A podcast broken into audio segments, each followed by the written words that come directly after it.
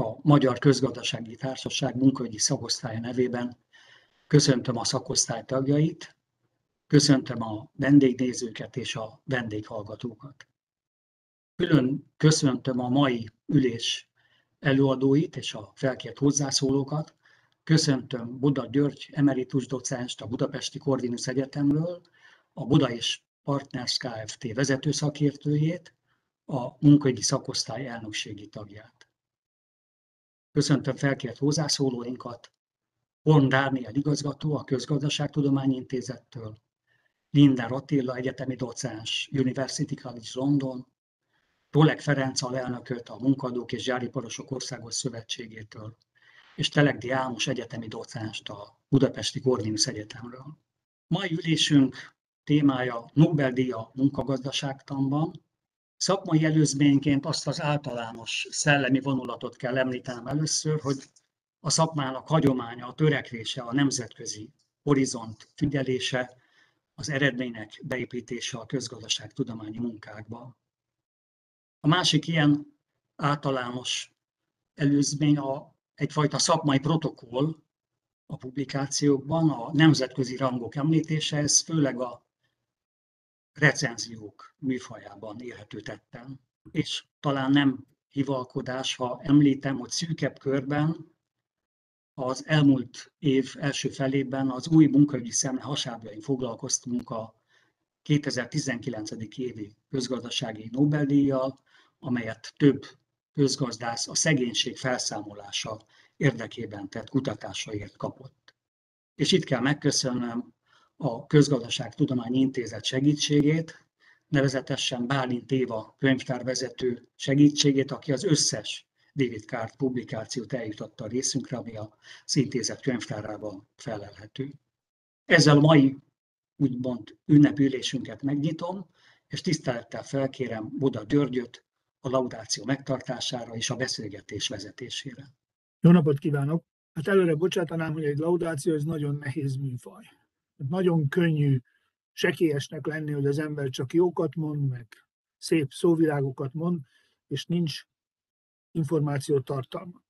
Amikor először megkaptam a felkérést, akkor szószoros értelemben gondolkodtam azon, hogy, hogy esetleg én alkalmatlan vagyok erre a feladatra. Megnéztem ugyanis Kávnak a publikációs jegyzékét, hát és hát ez egy hatalmas publikációs jegyzék, ha nem több ezer publikációról van szó, akkor nem számoltam meg, de, nagyon sokról van szó. Tehát, hogyha ezeket mind az ember el akarta volna olvasni, és, és ennek alapján valami véleményt mondani, akkor hát az több éves kutatómunkát jelentett volna.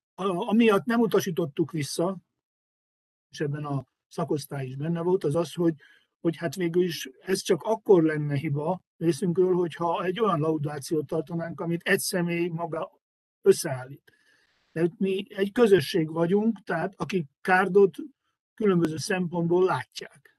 Tehát, hogyha egymásra támaszkodva csináljuk ugyanezt a laudációt, akkor annak már lesz információ tartalma, azt tulajdonképpen úgy kell felfogni, mint egy közös tanulást, és egy, mint ahogy eddig általában minden egyes konferenciákon megközelítettünk. Így az előkészítő munkát elkezdtük azon célkitűzések kapcsán, hogy a laudáció közös lesz. De a laudáció nem lesz egy üres szóvirág halom, egy dicséret, ami, amivel ugye mindenkinek tele lenne a hócipője.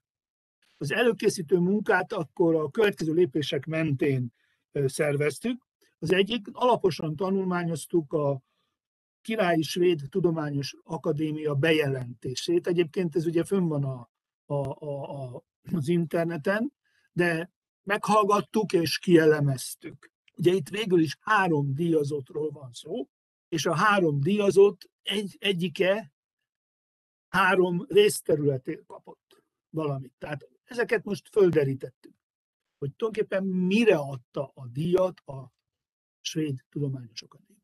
Utána a különböző folyóiratok elektronikus lehetőségeit vettük igénybe, azzal megnéztük, hogy hányan idézték a tanulmányaik referencia részében a kárdot. Mi bejutottuk a kárcót, ugye ez okozott némi zavart, mert a Ricardo is kijöttek, meg minden mások is, de a lényeg az, hogy belokalizáltuk azt a 15 körüli hivatkozást, akik használták a kárdot. És akkor utána megnéztük, hogy kik használták a kárdot, és akkor elkezdtük szervezni ezt a kis konferenciát. Tehát azokhoz az emberekhez fordultunk, akik, akik, akik már meghivatkozták a kárdot, és ennek következtében a legavatottabb ismerői a kárd munkásságán. Így alakult ki ez a meghívott lista. Ami feltűnő, hogy kihangsúlyozta a, tit, a titkár, aki ugye az egész bejelentést tette, hogy a Nobel-díj az oksági összefüggések megválaszolásáért jár. Azon esetekben, amikor nem végezhetünk kísérleteket. Ez a hölgy, aki a, a bizottság tagja volt, utána egy részletes előadást tartott, amelyben elmondta, hogy itt valójában nem a mai legújabb kutatások eredményeit díjazták, hanem a 90-es évben végzett munkát ismerték el annak utólagos értékelése alapján. Ez egy nagyon érdekes ilyen szempontból ez a Nobel-díj, mert ugye nem egy jelenlegi adhok kutatást, vagy egy legújabb nagy eredményt, hanem egy nagyon is régi kutatást díjazta. Kárdra vonatkozólag szó szerint ide fordítottam, amit ez a hölgy mondott. Tehát a korai 90-es években azt hitték, hogy a magasabb minimálbérek alacsonyabb foglalkoztatáshoz vezetnek. A nagy foglalkoztatás és bércsökkenés várható, a nagy a bevándorlás. Valamint az iskoláknak jutatott erőforrások nem növelik a tanulók eredményeit. David Card válaszai a korábbiakban gondoltaktól különböztek. Tehát ezek a mondatok, ezek szó szerint vannak idézve, és ezt azért tartottam fontosnak, hogy a tudományos közvélemény tájékoztassuk arról, hogy valójában mi alapján döntött a Svéd Tudományos Akadémia, mit ö, vett figyelembe a, a Nobel-díj odaítélésekkor. Ha megengedik, talán érdekességként, nagyon fontos részlet, ö, végeztem egy gyors kutatást, hogy megnéztem, hogy amikor bejelentették a Nobel-díjat, akkor a bejelentés milyen hullámokat vert.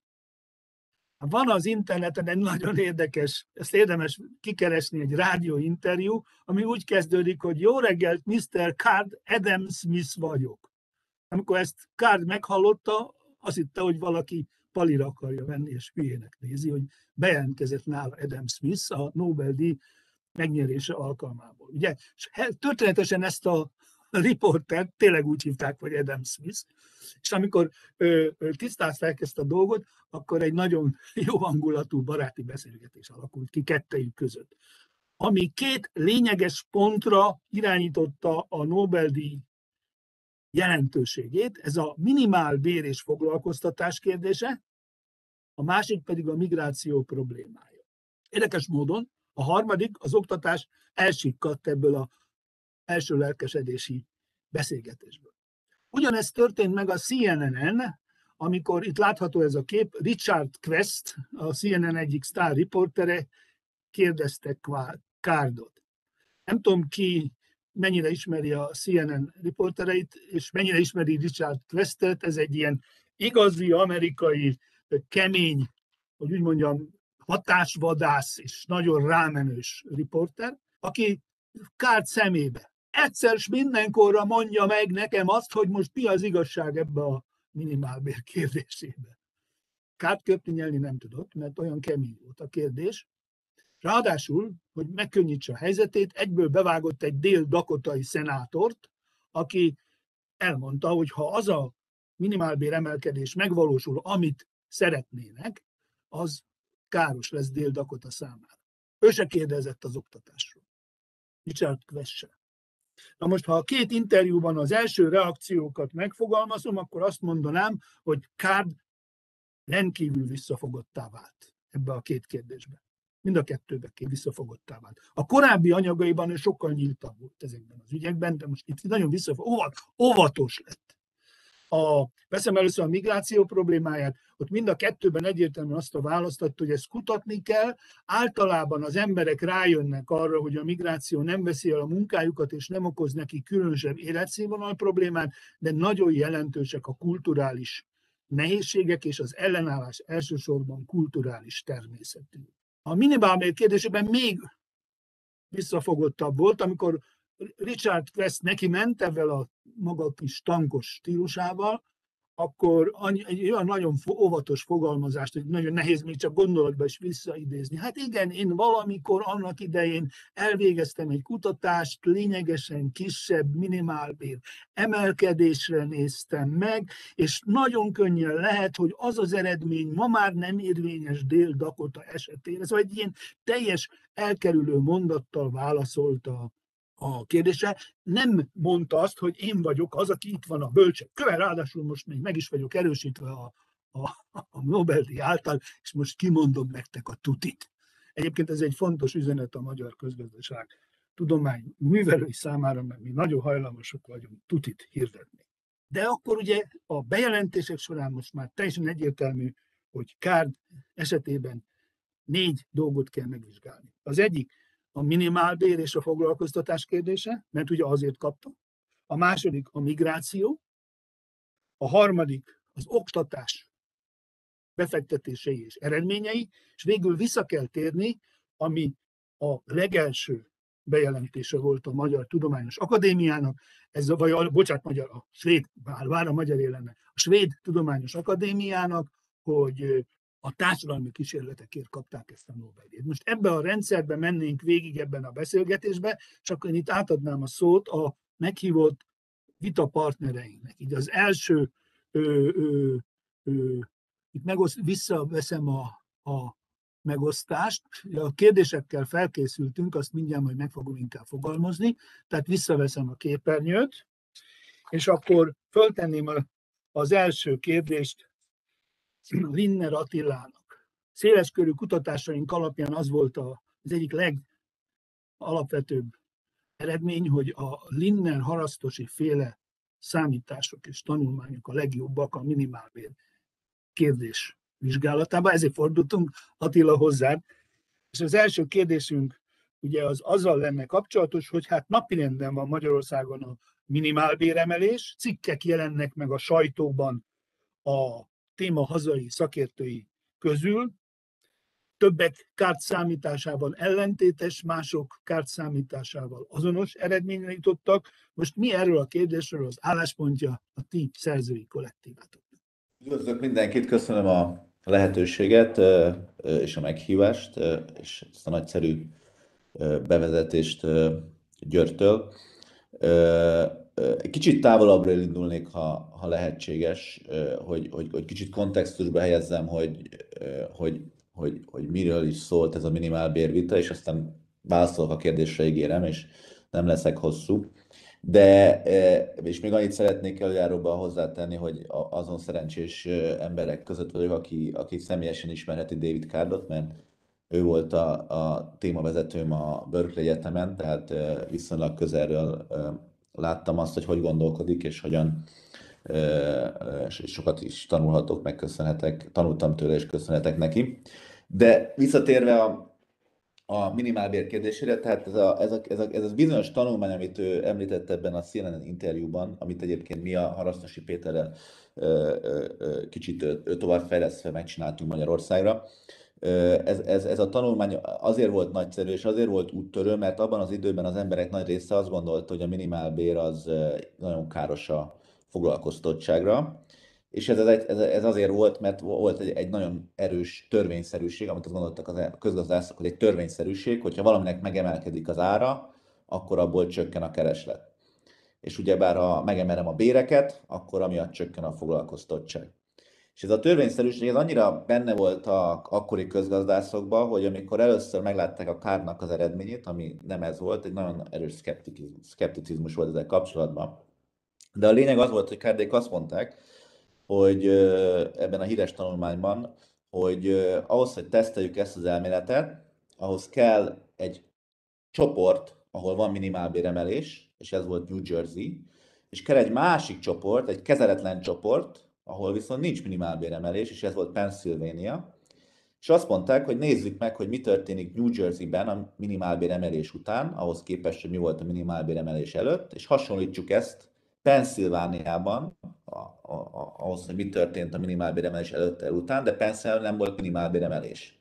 Tehát van egy kezeletlen csoportom, meg egy kezelt csoportom, a kettőt összehasonlítom, és abból ki tudom számítani, hogy, hogy, hogy, hogy, hogy, hogy, hogy mekkora lesz a foglalkoztatottság, és ők azt találták, hogy nem, hogy csökkent, hanem növekedett is a foglalkoztatottság. És ugye ez azért volt nagyon érdekes, mert volt ez a szemlélet, hogy ez lehetetlen, és, és abban az időben több Nobel-díjas közgazdászt is azt mondta, James Buchanannal az élen, hogy ez lehetetlen. Akik ilyen, ilyen eredményt találnak, az, az nem közgazdász, az, az, az ki kell tagadni a disziplinából, az nem publikálhat a, a vezetői folyamatokba. Tehát nagyon negatív reakciók voltak.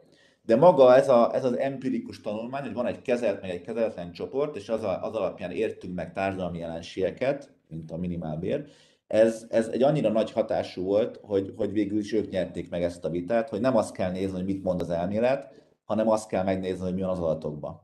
És hogy, és az adatokban az jön ki, hogy ez, a, ez, a, ez az egyszerű intuíciónk, amink van, hogy emelkedik valaminek az ára, csökken belőle a kereslet, ez nem feltétlenül, ez egy, ez egy intuíció, meg egy, egy, egy gondolat, ami azt gondoljuk, hogy elég meggyőző, lehet, hogy nem így van a valóságban, mert a valóságban egy sokkal komplexebb szerkezetben működik a munkaerőpiac, és, és, és lehet, hogy ezek az alapvető intuíciók, ezek valamennyire helyesek, de, de leegyszerűsítőek, és vannak elemei a, a történetnek, amiket nem, nem veszünk figyelembe, és a David Carrétnak az volt a nagy hatású munka, hogy ők voltak, ez az egyik első olyan munka, ami azt mondja, hogy, hogy empirikus tanulmányokkal, ö, ilyen, ilyen jól megkonstruált, ö, ö, kezelt, meg kezeletlen csoportok összehasonlításával tudjunk még a legalapvetőbb közösségi elméleteket is úgymond elutasítani. És aztán persze jött egy nagyon hosszú vita, azzal kapcsolatban, hogy ezek az eredmények mennyire időtállóak, hogy, hogy mennyire, mennyire kontextus specifikusak, tehát lehet az, hogy ez csak New Jersey-ben igaz, lehet, és ez valószínűleg igaz, hogy nyilván nem lehet minden minimálbérre azt mondani, hogy ez, ez mindig, mindig jó. Tehát van a minimálbér szint, ami után már, már, már, már, már valószínűleg negatív lesz a foglalkoztottság, és van olyan kontextus is, tehát New Jersey-ben ez működött, de nem biztos, hogy, hogy Sri Lankán működni fog, vagy akár Magyarországon. Na és ebben a vitában szó, vettünk mi részt a, a, a, a Harasztosi Péter munkánkban, ahol igazán ugye ezt az ötletet épp, vettük át, de azt használtuk ki, hogy egyrészt Magyarországon volt egy nagyon nagy minimálbér emelés, ahol megduplázták a minimálbért, kétszeresére emelték két év alatt, 2000 és 2002 között, és és, és, és ezt vizsgáltuk, és ott a kezelt csoport volt az a vállalatok, ahol nagyon érintettek voltak a minimálbérrel, és a kezeletlen csoport pedig azok a vállalatok, akik kevésbé voltak érintettek a minimálbérrel. És ezt, ezt, a, ezt, a, ezt, a, ezt a minimálbér sokkot kutattuk. Egyébként azt is hozzá kell tennem, hogy Kertesi Gábornak és Köldő Jánosnak volt egy nagyon-nagyon alapvető cikk ebben a témában korábbról. Mi annyiban léptünk kicsit tovább, hogy kicsit jobb adatokkal néztük meg ezt a, tehát egy, egy, egy sokkal nagyobb adatbázison, egy jobb adatokkal néztük meg, és kicsit tovább is léptünk, nem csak a foglalkoztottságot vizsgáltuk, amiben hasonlókat találtunk, mint ők, hanem megvizsgáltuk azt is, hogy mennyivel emelkednek a bérek, amik, amik, amik, amik nagyon-nagyon sokkal emelkedtek, és azt is megvizsgáltuk, hogy mi történik a vállalatokkal, akik, akik a minimálbér sok hatására megváltoztatják a foglalkoztatottságukat, hogy mi történik a vállalati tulajdonosokkal, mi történik a fogyasztókkal, és azt találtuk, hogy, hogy a minimálbér emelés nagyon kicsi foglalkoztatottságveszteséghez vezetett Magyarországon. A legnagyobb hatás az az volt, hogy emelkedtek a bérek, tehát igazániból minimális volt a foglalkoztatottságveszteség, és leginkább a, a, a, a, a, a, a, azokban a szektorokban volt foglalkoztatottságvesztesség, amik nagyon ki voltak a, a külföldi versenynek, tehát az ilyen textilipar, meg, meg az ilyen szektorok, de például a, a kiskereskedelmi szektor, meg az étterem, étterem, éttermeknél ott egyáltalán nem volt semmilyen negatív hatás. És emellett a nagy részét ennek a minimálbér emelésnek a, a, a, a 25%-át a, a, a vállalatok fizették, és 75%-át pedig a, pedig a fogyasztók, tehát a nagy részét a fogyasztók, és itt be is fejezem a válaszomat a kérdésre. Lenne egy második kérdésem, és kérlek, hogy ezt ebbe segíts nekünk. Káld munkássága ellentmond a neoklasszikus elméletnek, amely szerint a munka általános drágulása utat nyit a tőkemunka helyettesítésnek. Itt most csak arról van szó, hogy az elmélet meghatározott feltételek mellett igaz, vagy hogy nem igaz. Hát nyilván itt inkább azt mondanám, úgy, úgy fogalm, óvatosabban fogalmaznék, szerintem az elméletnek vannak igaz részei, de van egy olyan aspektusa, amit, amit ö, ö, ö, túlságosan leegyszerűsít. És ez az aspektusa pedig az, hogy, hogy, hogy, hogy nem veszi figyelembe azt, hogy a vállalatoknak van valamekkora piaci erőfölénye a, a munkaerőpiacon mert a standard elmélet azt feltételezi, hogy a, a munka és a, és, a, és a vállalat az homogén, tehát hogy a munkaerő szempontjából mindegy, hogy melyik. Tehát van egy takarító, főleg, a, főleg az alacsony képzettségű munkahelyeken, ha van egy takarító, neki tök mindegy, hogy az egyik céghez vagy a másikhoz megy, és a, és a, és a cég szempontjából is mindegy, hogy a egyik takarító van, vagy a másik, tehát hogy, a, hogy, hogy nagyon, nagyon homogén a munkaerő. Viszont ha, ha nem homogén a munkaerő, hanem ilyen differenciáltabb egy kicsit, tehát hogy van egy adott takarító cég, aki bizonyos típusú dolgozóknak nagyon szimpatikus, mert szimpatikus a főnök, tetszik a vállalati kultúra, közel van a lakhelyéhez, míg van egy másik, amelyik másoknak szimpatikus, akkor ez, ez ilyen lokális erőfölényekhez vezethet, amikből kialakulhatnak olyan, amikből kialakulhat az, hogy a vállalatok, amikor bért határoznak meg, akkor biz, kicsit alá, alá, alá mennek annak, ami a, a piaci ár lenne. Tehát egy kicsit úgymond ki, kialakul egy ilyen, egy ilyen ö, ö, ö, ö, szakadék, vagy egy ilyen különbség a, a, a munkatermelékenysége és az adott bér között. És a minimálbér ezt, ezt a termelék, ezt a, ezt, a, ezt a különbséget csökkenti, és ha kicsi a minimálbér, akkor lehetséges, hogy, hogy nem, hogy foglalkoztatság csökkenéshez vezet, hanem még igazániból emeli is a foglalkoztatottságot. És ez a, ez a rész, ez igazániból egy, egy, egy kiegészítése a meglévő elméletnek, ami alapján az jön ki, hogy bizonyos minimálbérek esetén igenis lehet az, hogy a foglalkoztatottság az nem változik, vagy, vagy, vagy akár növekszik, de előbb-utóbb rákerülünk arra a szakaszra, ahol már a standard elmélet látja jól, és, és azt mondja, hogy, hogy van egy helyettesítés a munka és a tőke között, és ezért előbb-utóbb, ha nagyon drága lesz a munkaerő, akkor a dálatok helyettesítenek tőkével munkaerőt, és, és, és, és, és ez lesz. Tehát, hogy szerintem itt arról van szó mindig, hogy, hogy vannak ilyen egyszerűsítő modelleink, és, és ez az empirikus eredmény azt mondta, hogy valami egy részét túlságosan leegyszerűsítettük, és ezért nem vettük észre a modell alapján, hogy van valami fontos tény, és az empirikus eredmény, a meggyőző empirikus eredmény azt mondta, hogy igenis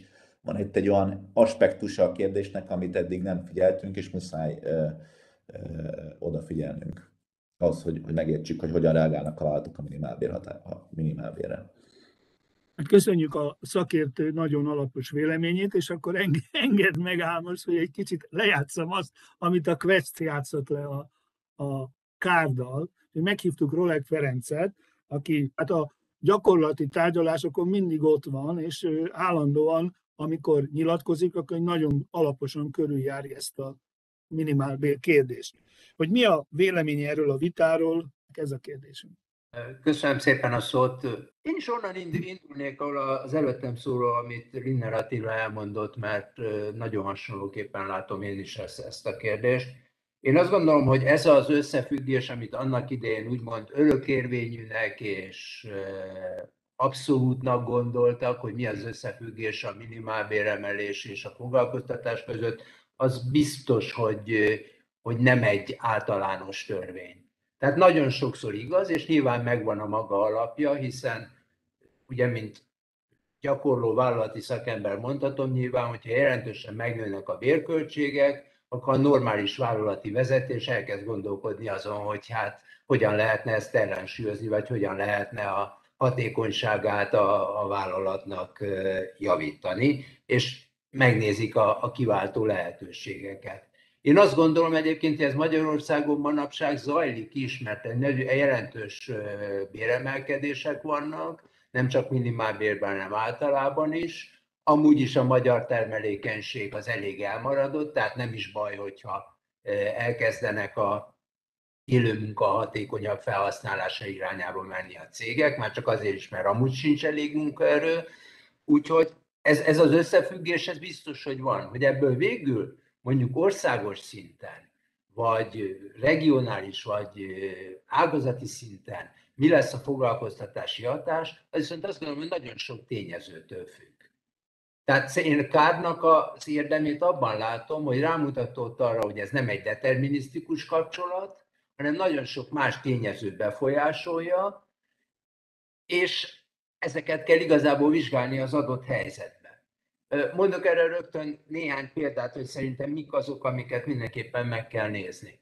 Tehát nyilván alapvetően mondjuk függ az egész a munkaerőpiac állapotától. Vajon ez egy munkaerő túlkínálatos munkaerőpiac, vagy egy túlkeresletes munkaerőpiac? Mert abban a pillanatban, túlkeresletes a munkaerőpiac, akkor egy növekvő bérköltség mellett sem fog a foglalkoztatás ö, ö, igazából romlani nagy valószínűség szerint. Nagyon függ attól is, hogy a vizsgált területen mennyire van lehetősége az adott cégeknek arra, hogy a növekvő bérköltséget fedezni tudják növekvő árbevétellel. Át tudják-e hárítani részben vagy egészben a bérköltség növekedést a fogyasztókra. Ilyen szempontból egyáltalán nem mindegy. Ugyanis ha át tudják hárítani, akkor igazából nem nagyon kell a foglalkoztatást csökkenteni, hiszen megoldották a problémájukat. Ha nem tudják áthárítani, akkor valamit tenniük kell. Ugyanez akkor abban is megjelenik, hogy igazából milyen ágazatról, miről beszélünk. Tehát az egész nemzetgazdaságról, vagy mint Kárd esetében mondjuk egy régióban egy specifikus iparágról. Szóval ne felejtjük el, hogy Kárd esetében ő ugye gyakorlatilag ezt a gyorséttermi láncot vizsgálta, ugye New Jersey-ben és Pennsylvániában. Itt olyan termékről van szó, ami igazából nem igazán helyettesíthető. Tehát nem lehet azt mondani, hogy ha itt megemeljük a béreket, akkor majd a cégek átmennek, és Kaliforniába fogják megenni a, a burgert. Mert azt ott lehet megenni. Tehát igazából ilyen szempontból elég rugalmatlan, és ilyen szempontból elég speciális volt a helyzet, míg ugye, amit ugye Attila is mondott az előbb, amikor Magyarországon megemelkedtek a minimálbérek a 2000-es évek elején, akkor az mondjuk a magyar textilipart a földre vitte mert az áthelyezhető volt minden további nélkül máshova, illetve a külföldi versenytársak, vagy a távol-keleti versenytársakkal nem tudtuk versenyezni. Tehát ott katasztrofális foglalkoztatási hatása volt. A súlyánál tekintve ez nemzetgazdasági szinten nem, nem idézett ilyet elő, de iparági szinten ez valóban katasztrofális volt. Tehát én azt gondolom, hogy ez is egy nagyon fontos tényező, ami befolyásolja a dolgot. Valószínűség szerint befolyásolja a dolgot az is, hogy milyen mondjuk a munkaügyi szabályozás helyzete. Hogyan lehet embereket fölvenni, hogyan lehet embereket elbocsátani. Valószínűleg ilyen szempontból nagy különbség lenne egy ilyen hatásban, hogy mondjuk mi történik az Egyesült Államokban, ahol ez egy sok sokkal szabadabb folyamat, vagy még mi történik Franciaországban, ahol hát meglehetősen merev eh, ez a rendszer. Valószínűleg egészen másképp reagálna a, a kettő és hát nyilván függ is, hogy egyáltalán milyen volt a, a vállalati hatékonyság, termelékenységi helyzet, illetve milyen volt tulajdonképpen a bérszínvonal ahhoz képest, ahol mondjuk a vállalati eredményekhez képest lehetett volna, és ezen belül milyen volt mondjuk a minimálbéremelés mértéke. Tehát nem mindegy, hogy nem tudom, 10 vagy mint mondjuk a 2000-es évek elején, ugye két év alatt közel 100 os minimálbéremelés történik. Tehát ezekben is egy egészen más nyilván a vállalati és az üzleti szféra igazodása a dologhoz. Tehát én azt mondanám, hogy ez nagyon összetett modell, amit mindig az adott helyzetben lehet igazából vizsgálni.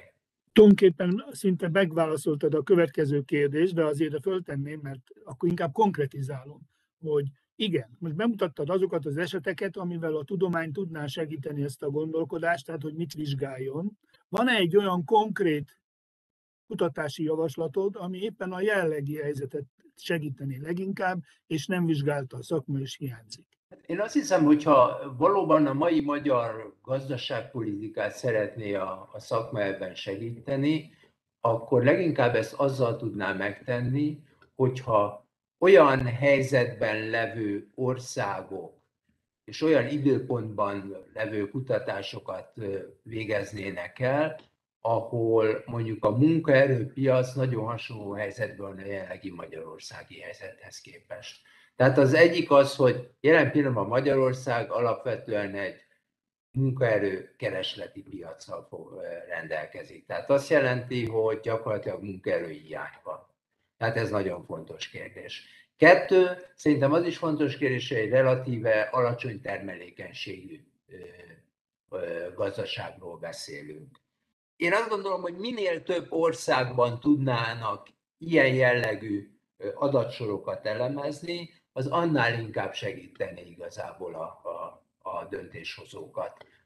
Akármelyik oldalon üljenek is, akár kormányzati, munkáltatói vagy munkavállalói oldalon. Tehát nagyon sok elemzésre, nagyon sok adatra lenne szükség különböző helyzetekben, és nagyon komoly ökonometriai modellekhez ehhez. Nagyon szépen köszönjük ezt a, a, a megfogalmazást, ezt bizonyára a kutatók figyelme fogják venni. Most el kell hagynunk ezt a nagyon izgalmas területet, és áttérnék a következő területre, a migráció kérdésére. Kárd migrációs kérdésekben több anyagot is leadott az utóbbi időben, úgy látszik ez most, lát, most, ez most nyilván most vált nagyon aktuális kérdésé. Megpróbálom összefoglalni Kárd nézeteit, de nem egy ilyen publicisztikai, hanem az ő általa képviselt rendkívül magas tudományos szinten. Kárd Cobb Douglas féle termelési függvény felhasználásával illusztrálta az ő nézeteit. Ezt én egy kicsit leegyszerűsítettem, hogy mindenfajta matematikai ismeret nélkül is ezt értsük. Tehát ezt mondok egy példát, amit egyébként Card matematikai képetekkel mondott el. A Cobb-Douglas függvény az gyakorlatilag azt jelenti, hogy az eredményt, az ország GDP-jét, gazdagságát vagy munkával, vagy tőkével termeljük, mind a kettővel együtt pontosan, mind a kettővel együtt termeljük. Tehát egy, tételezzünk fel egy nagyon egyszerű példát, hogy a gazdaságban van 100 munkavállaló, és mind a 100 munkavállaló kezébe adunk egy kalapácsot. Tehát akkor 100 munkavállaló van, 100 kalapács. És ezzel a gazdaság termel 25 egység outputot. Ez a függvény, amit Kárt felállít. És akkor mond Kárt egy tételt azt mondja, beláthatjuk, hogyha ennek a függvénynek mind a két inputját megduplázzuk, akkor az eredmény is kétszeres lesz. Tehát, hogyha valahogy ez az ország el tudja érni az, hogy 200 munkavállalója lesz, és 200 kalapácsot ad a 200 munkavállaló kezébe, akkor 50 lesz az output. Most belátható, hogy az egyik esetben 25-ön osztozik 100, a másik esetében 50-en osztozik 200, tehát az egyfőre jutó jövedelem az ugyanannyi. Magyarul a munkavállalók megkétszereződése, ha a tőkét is megkétszereztük, akkor nem vezetett a munkavállalók életszínvonalának csökkenésére. Most mi a migráció lényege, Kárt szerint? Az, hogy nő a lakosság. Jó ez, vagy nem jó?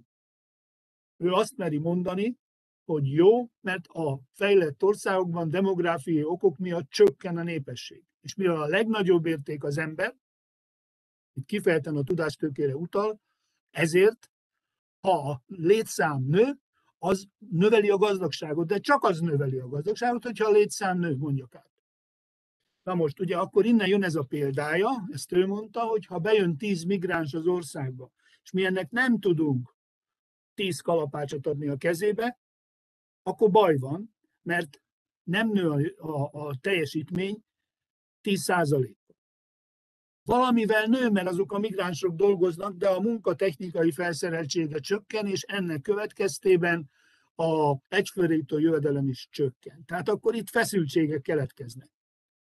Ha azonban úgy jön be a 10 migráns, hogy 10 kalapácsot kap, akkor ennek nem lesznek gazdasági hatásai, legfeljebb kulturális hatásai.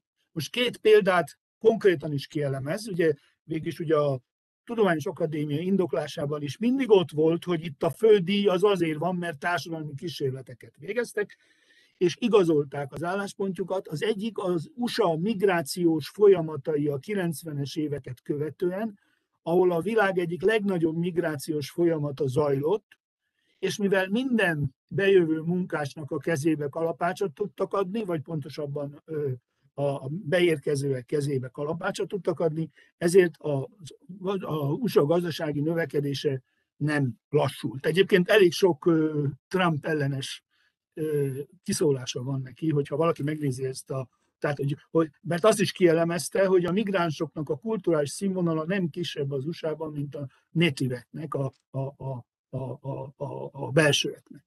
Tehát magyarul, és a másik eset, amit kielemzett, az még talán még meggyőzőbb, ez az Izrael esete, amikor a Szovjetunió összeomlása után a szovjet zsidók nagy tömegben beáramlottak Izraelbe. Aki járt Izraelbe, az tudja, hogy az orosz nyelv hivatalos nyelv, legalább 13-15 százalékos részesedésével Tel Aviv bizonyos részein csak oroszul beszélnek.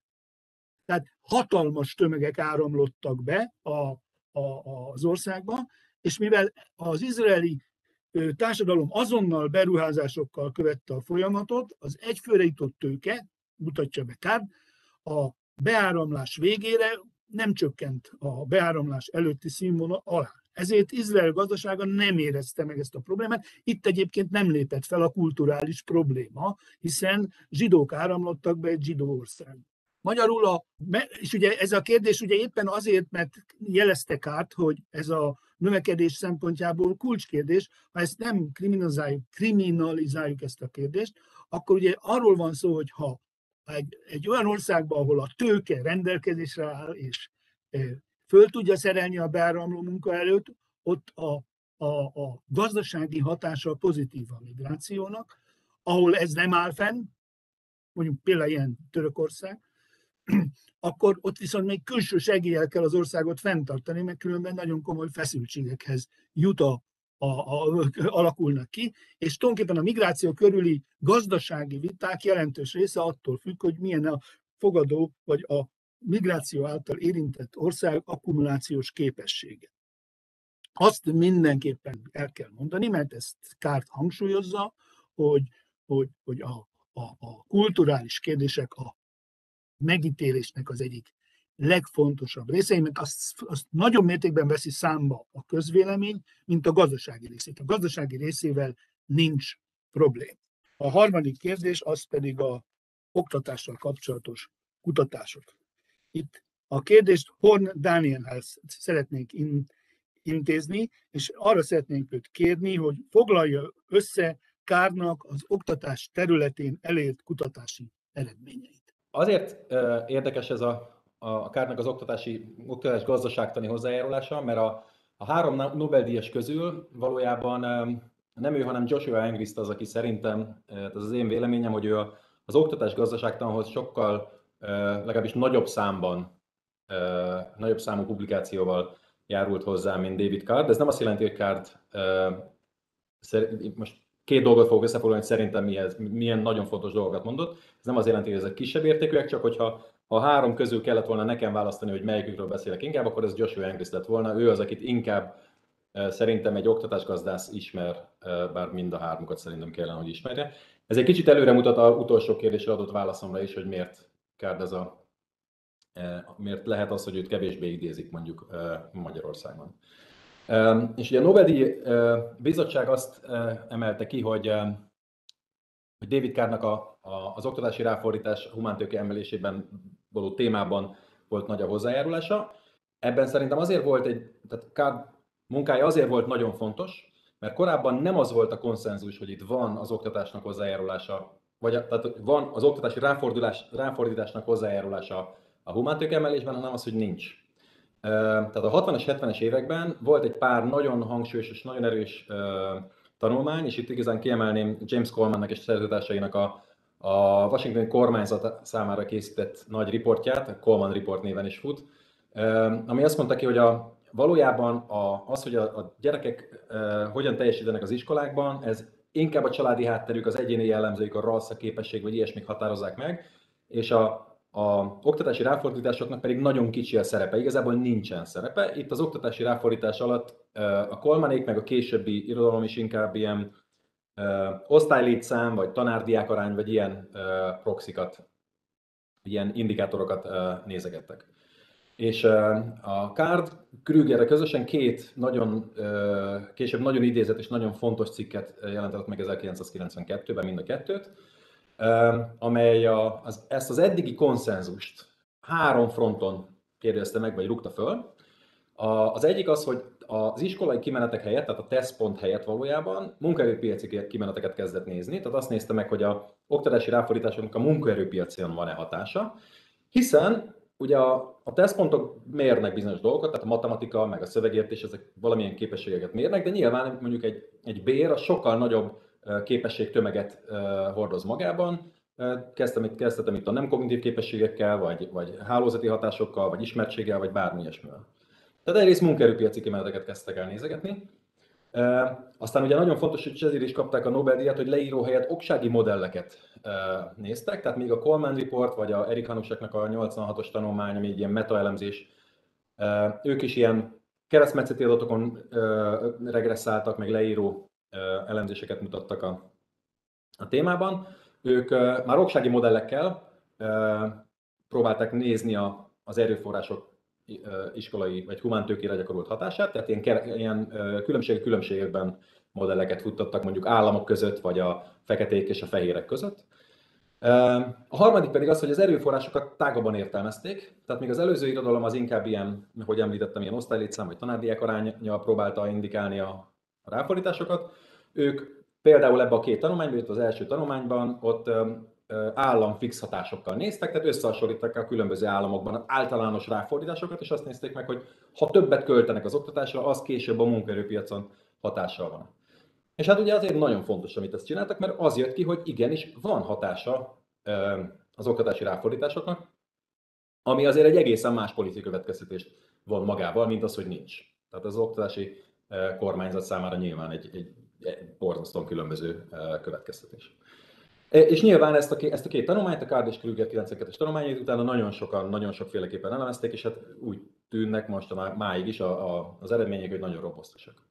De szerintem leginkább Cardnak nem is ezen a területen, hanem inkább az oktatás megtérülésének a megértésében volt sokkal nagyobb szerepe. Tehát, hogyha ha kifejezetten az oktatás gazdaságtalan gondolok, akkor a Cardnak a művei, a, és itt kifejezetten a 99-es Handbook of Labor Economics-ban írt uh, nagy összefoglaló tanulmánya és a 2001-es Econometrika cikke. Alapvetően változtatták meg ahogy a, azt, ahogy a, az oktatási megtérülési rátáról, vagy az oktatás megtérüléséről gondolkodunk. Ugye itt megint csak visszanyúlok még az kárd előtti időkre, tehát a, a 60-as, 70-es, 80-as években az oktatás megtérüléséről, vagy a megtérülési rátáról azt úgy gondolkodtunk, hogy, hogy az egy ilyen egységnyi valami, hogy nézzük meg, hogy hát meg mit tudom én, tehát összehasonlítottuk a különböző tőke megtérülési rátáival, mondjuk 10%-ot hogy hoz egy évnyi e, megtérülés, az nagyobb be, mintha ezt a pénzt, amit én az oktatásra fektetek, fektetném akármilyen tőkébe. A kárt pedig ezt az egész keretet úgy, hogy közben ugyanabban a hagyományos humán tőke keretben belül maradt, azt mutatta ki, hogy igazából olyan, hogy egységnyi, vagy olyan, hogy egy megtérülési ráta, olyan nincs, a megtérülési ráta az egy heterogén dolog. Az a, a most nagyon leegyszerűsítve a képesség, meg mondjuk a, a, a, a társadalmi háttér szerint, ő nem, ilyen, nem ezeket a fogalmakat használta, de gyakorlatilag így lehetett lefordítani őket, teljesen heterogének. Tehát, hogyha valaki nagyon tehetséges, akkor sokkal nagyobb lehet a megtérülési rátája. Ha valaki nagyon szegény, akkor előfordulhat, hogy ő azért nem tud fektetni az oktatásba, mert ő szegény, bár nagyon tehetséges, de szegény, akkor nem képes arra, hogy mondjuk egyetemet végezzen, vagy akár csak egyetem, vagy akár csak Amerikában nincs gimnázium, de Magyarországon gimnáziumot végezzen, hiszen sokkal hamarabbi megtérülés kell neki, szakiskolába kell mennie, és gyorsan munkába kell állnia. És ez a gondolati ez a gondolat magába, hogy, ez, hogy a megtérülés ráta az heterogén, és ezt ugyanezt, ugyanezt berakta a hagyományos Beckeri humántőke modellben, ez akkor egy nagyon nagy uh, újítás volt. Ráadásul uh, ezzel a modellel nem csak, nem csak egy ilyen új dolgot hozott be, hogy másképp gondolkozunk a megtérülési rátáról, hanem arra is rávilágított, hogy miért lehet az, hogy a, azok a becslések, amiket igazából ebben az időben már elindultak, tehát a 90-es években már nagyon sok oksági becslés volt a, a megtérülési rátákról, és itt a, a Joshua Engris, a másik Nobel-díjas munkáira kell kifejezetten hivatkozni, az Engris és Krügernek a 91-es cikke, ez mind a mai napig talán a leghivatkozottabb ilyen ö, oktatási megtérülési ráta modell, vagy ö, ö, empirikus eredmény. Ebben azonban azt jött ki, azt mutatták, beengrizték, hogy a, az instrumentális becslés, tehát az oksági becslésben egy nagyobb megtérülést becsültek, mint azt a keresztmetszeti iratokon látták előtte.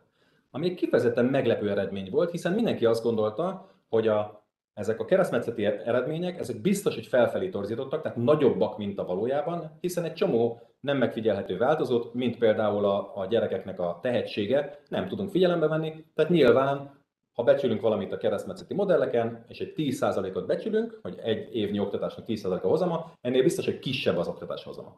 Közben meg ezek az oksági modellek azt mutatták, hogy nem kisebb, hanem legalább akkora, de lehet, hogy nagyobb is. És ez a modell, amit Card uh, alkotott, ez igazából megmagyarázza, hogy miért van ez a különbség. És nagyon egyszerű az oka, azért, mert ezek az, ezek az instrumentális becslések, ezek az oksági becslések, amiket az Englisték meg a több, sok-sok szerző csinált, többek között egyébként Card is 95-ben, ezek valójában pont a szegény, de tehetséges gyerekek megtérülési rátáit becsülték, mert a különböző exogén sokok, ilyen oktatáspolitikai változások pont őket vették rá arra, hogy többet tanuljanak, és ugye abból identifikáltak ezek a becslések, és nekik ugye sokkal nagyobb a megtérülésük, tehát gondoljanak bele, hogyha egy, egy szegény gyerek elmegy még egy évet iskolába valószínűleg, és ő tehetséges, akkor nagyobb lesz a megtérülése, mint hogyha egy gazdagabb, aki már eleve is 12-16 évet tanult, még egy évet rátesz erre. És hogy ezt az ellentmondást az empirikus eredményekben és a modellekben, az a, a, a Kárnak a 99-es, később aztán 2001-ben jobban kifejtett modellje, erre nagyon szépen rávilágított, és azóta is így kezeljük a, az oktatási megtérülési rátát. Tehát itt a végé, az utolsó kérdésre ezzel is próbálok válaszolni. Tehát egyrészt azt gondolom, hogy nem, tehát ez biztos, hogy nem igaz, hogy az oktatással foglalkozó gazdasági szakemberek nem ismerik Kár nevét. Talán itt, hogyha Joshua Englis nevével összevetném kifejezetten az oktatáson belül, akkor valószínűleg Englis neve ismertebb. De ez talán azért van, mert a kárt hozzájárulásai annyira alapvetőek, hogy már Engriszt is, meg már azok az emberek, akiket mi idézünk, már Kárdot idézik. Tehát egy ilyen kettős áttétel van közben. Tehát Kárd nagyon alapvető dolgokat mondott a legelején, amik beépültek abba, hogy hogyan gondolkozunk mi az oktatás rátairól, vagy az erőforrásokról, és én akkor már inkább egy Engrisztet fogok idézni, aki már használja a Kárd által mondott dolgokat. Tehát szerintem nagyon nagy hatású az, amit csinált, és, és igenis mindenkinek ismernie kell, hogyha ilyen témával akar foglalkozni. Nagyon szépen köszönjük, és akkor most átmennénk arra a területre, ami a összefoglaló keret, ez a társadalmi kísérletek módszertana, és ezzel kapcsolatban Telegdi Álmosnak tenném fel a kérdést, hogy, hogy össze tudna nekünk, tudna nekünk említeni néhányat példaképpen, hogy milyen társadalmi kísérletekre a Nobel-díj bizottság, amikor ezt a magas presztízsértékű díjat odaítélte, hogy ezt pontosan értse a szakmai vélemény, hogy mit jelent ez a társadalmi kísérlet. Picit távolabbról indulnék, hogyha nem probléma. Igazából szerintem Kárd ezek nagyon fontos dolgok, amiket, amiket találja a nagy, ahogy, ahogy te is mondtad, a nagy, a nagy rendező elve Kárdnak, vagy a nagyon fontos része az, hogy valamiféle rendet vágott az adatokban és az elemzésben. Egy picit menjünk végig azon egy pár perc alatt, hogy, hogy miért fontos ez szerintem, vagy miért fontos ez a szakma szerint. És én azt gondolom, hogy a nagy probléma az, amit már említettek mások is itt előttem, hogy az adatokból úgy nagyon sok mindent ki lehet mutatni. Tehát, tehát van az a mondás, amit így ökonométerként vagy, vagy empirikus kutatóként nem szeretek, hogy van hazugság, nagyon nagy hazugság és statisztika. Ezt nem hiszem el, viszont tudjuk azt, hogy tényleg ki lehet mutatni mindenfélét az adatokból. És jellemzően az szokott a probléma lenni újságíróknál, politikusoknál, nagyon sokszor sajnos közgazdászoknál is, hogy azért, mert két dolog egymás után következik, azért kauzális kapcsolatot tételeznek fel a két dolog között. És ez persze nagyon sokszor nem így van. Tehát azt mondják, hogy volt valamiféle szakpolitika, beavatkoztunk, nem tudom, a cégeket elkezdtük támogatni, hát persze, hogy nőnek a cégek. Körülbelül ez a, ez a, ez a gondolkodás, ez nagyon sokszor téves lehet.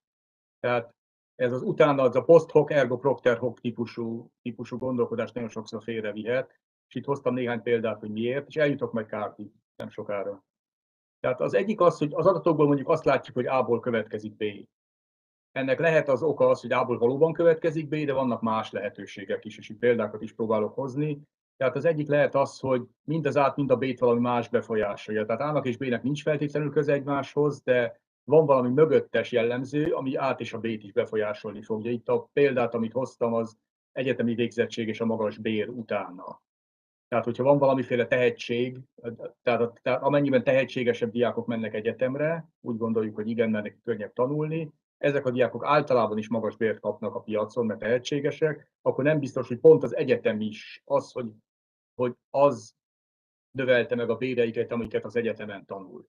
A másik lehetőség az, hogy nem, de mi azt szeretnénk látni, hogy A-ból következik B, de lehet, hogy ez tulajdonképpen fordítva van. De statisztikában persze azt nem tudjuk, hogy mit mérünk, csak átlagokat hasonlítunk össze.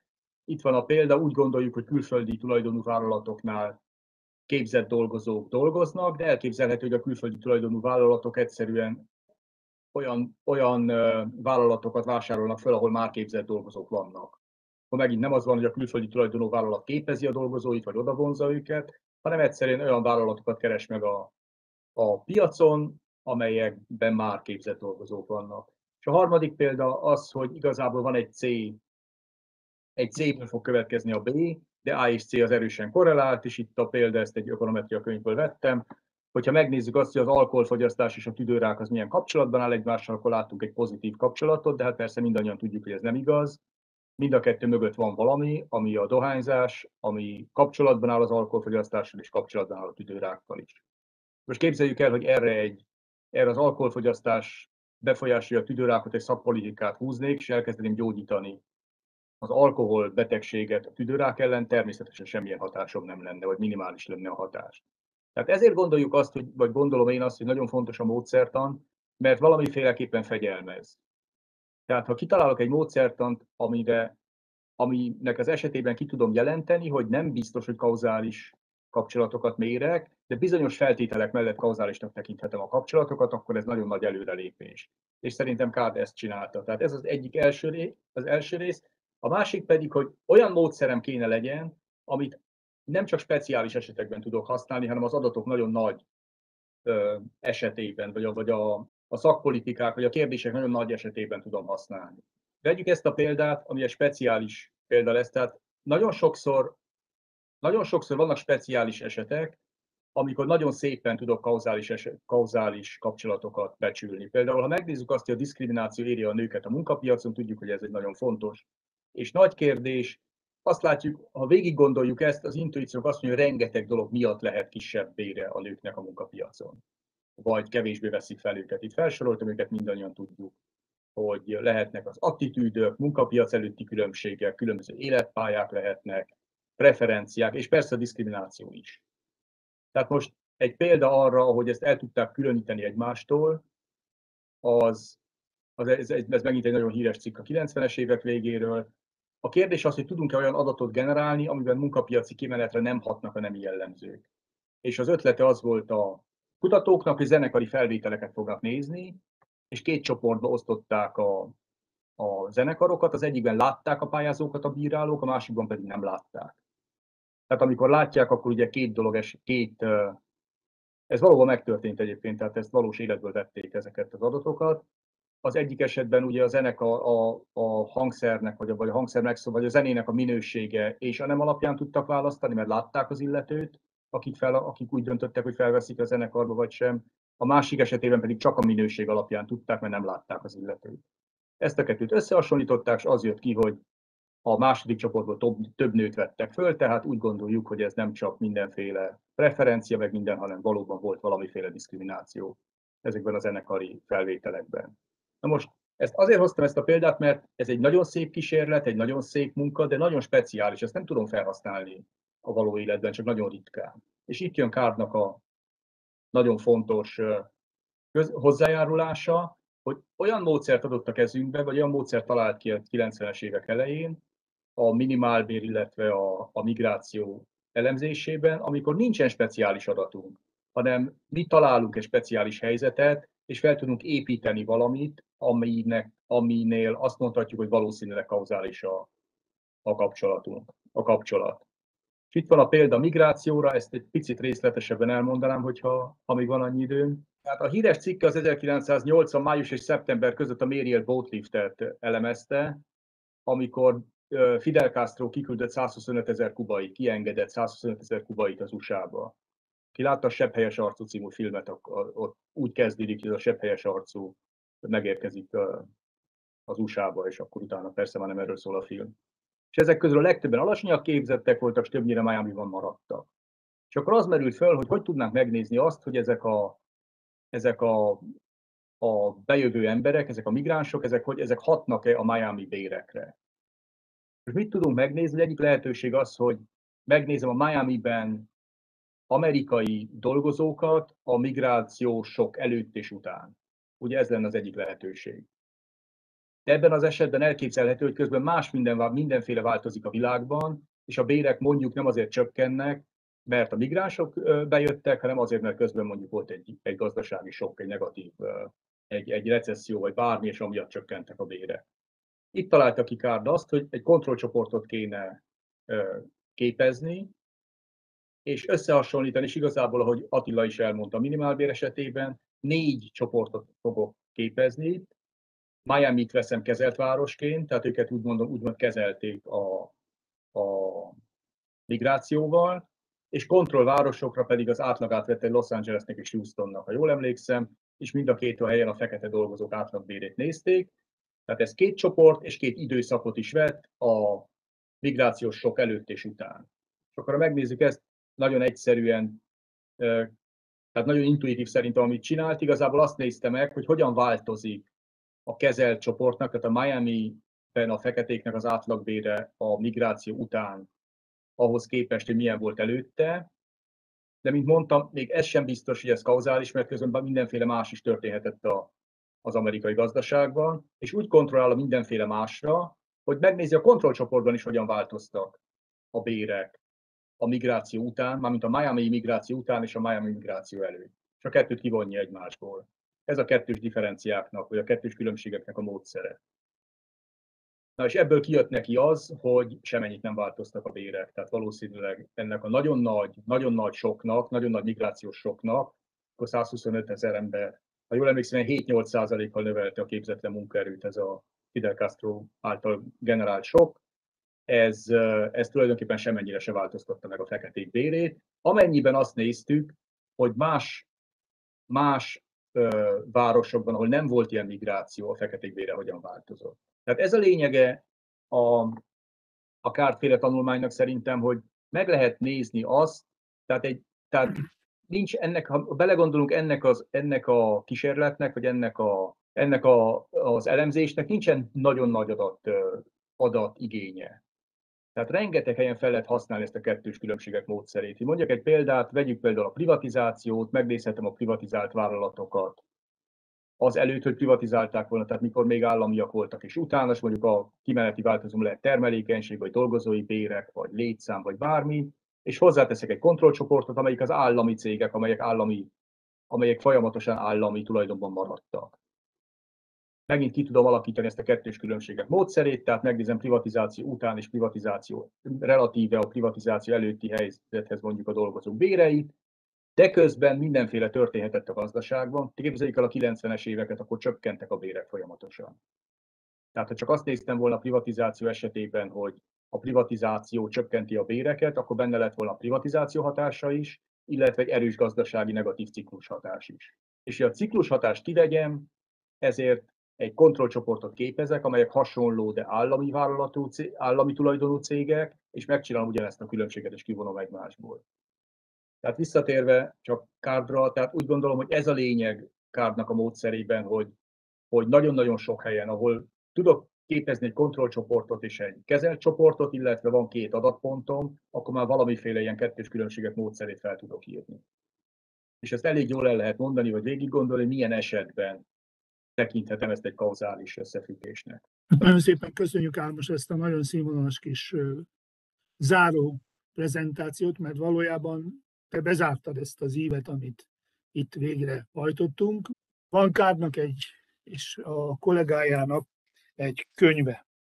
Egy Ellen Kruger nevezetű, hát tragikusan elhunyt közgazdásznak a, a szal együtt írta. Egyébként ezt azért megemlítem, hogy a, a, a Kruger neve elhangzott a Tudományos Akadémia bejelentésekor. Tehát ennyivel akkor tartozunk Krugernek is, hogy őt megemlítsük, mert lehet, hogyha élne, akkor most Kárd Krüger díjról beszélnénk. Mert miért mondta volna ezt az akadémia? Tehát nekik van egy könyvük, Mítosz és mérés címmel, Myth and Measurement. És ennek van egy, egy ideig hoztam a Diderot D'Alembert mottóját.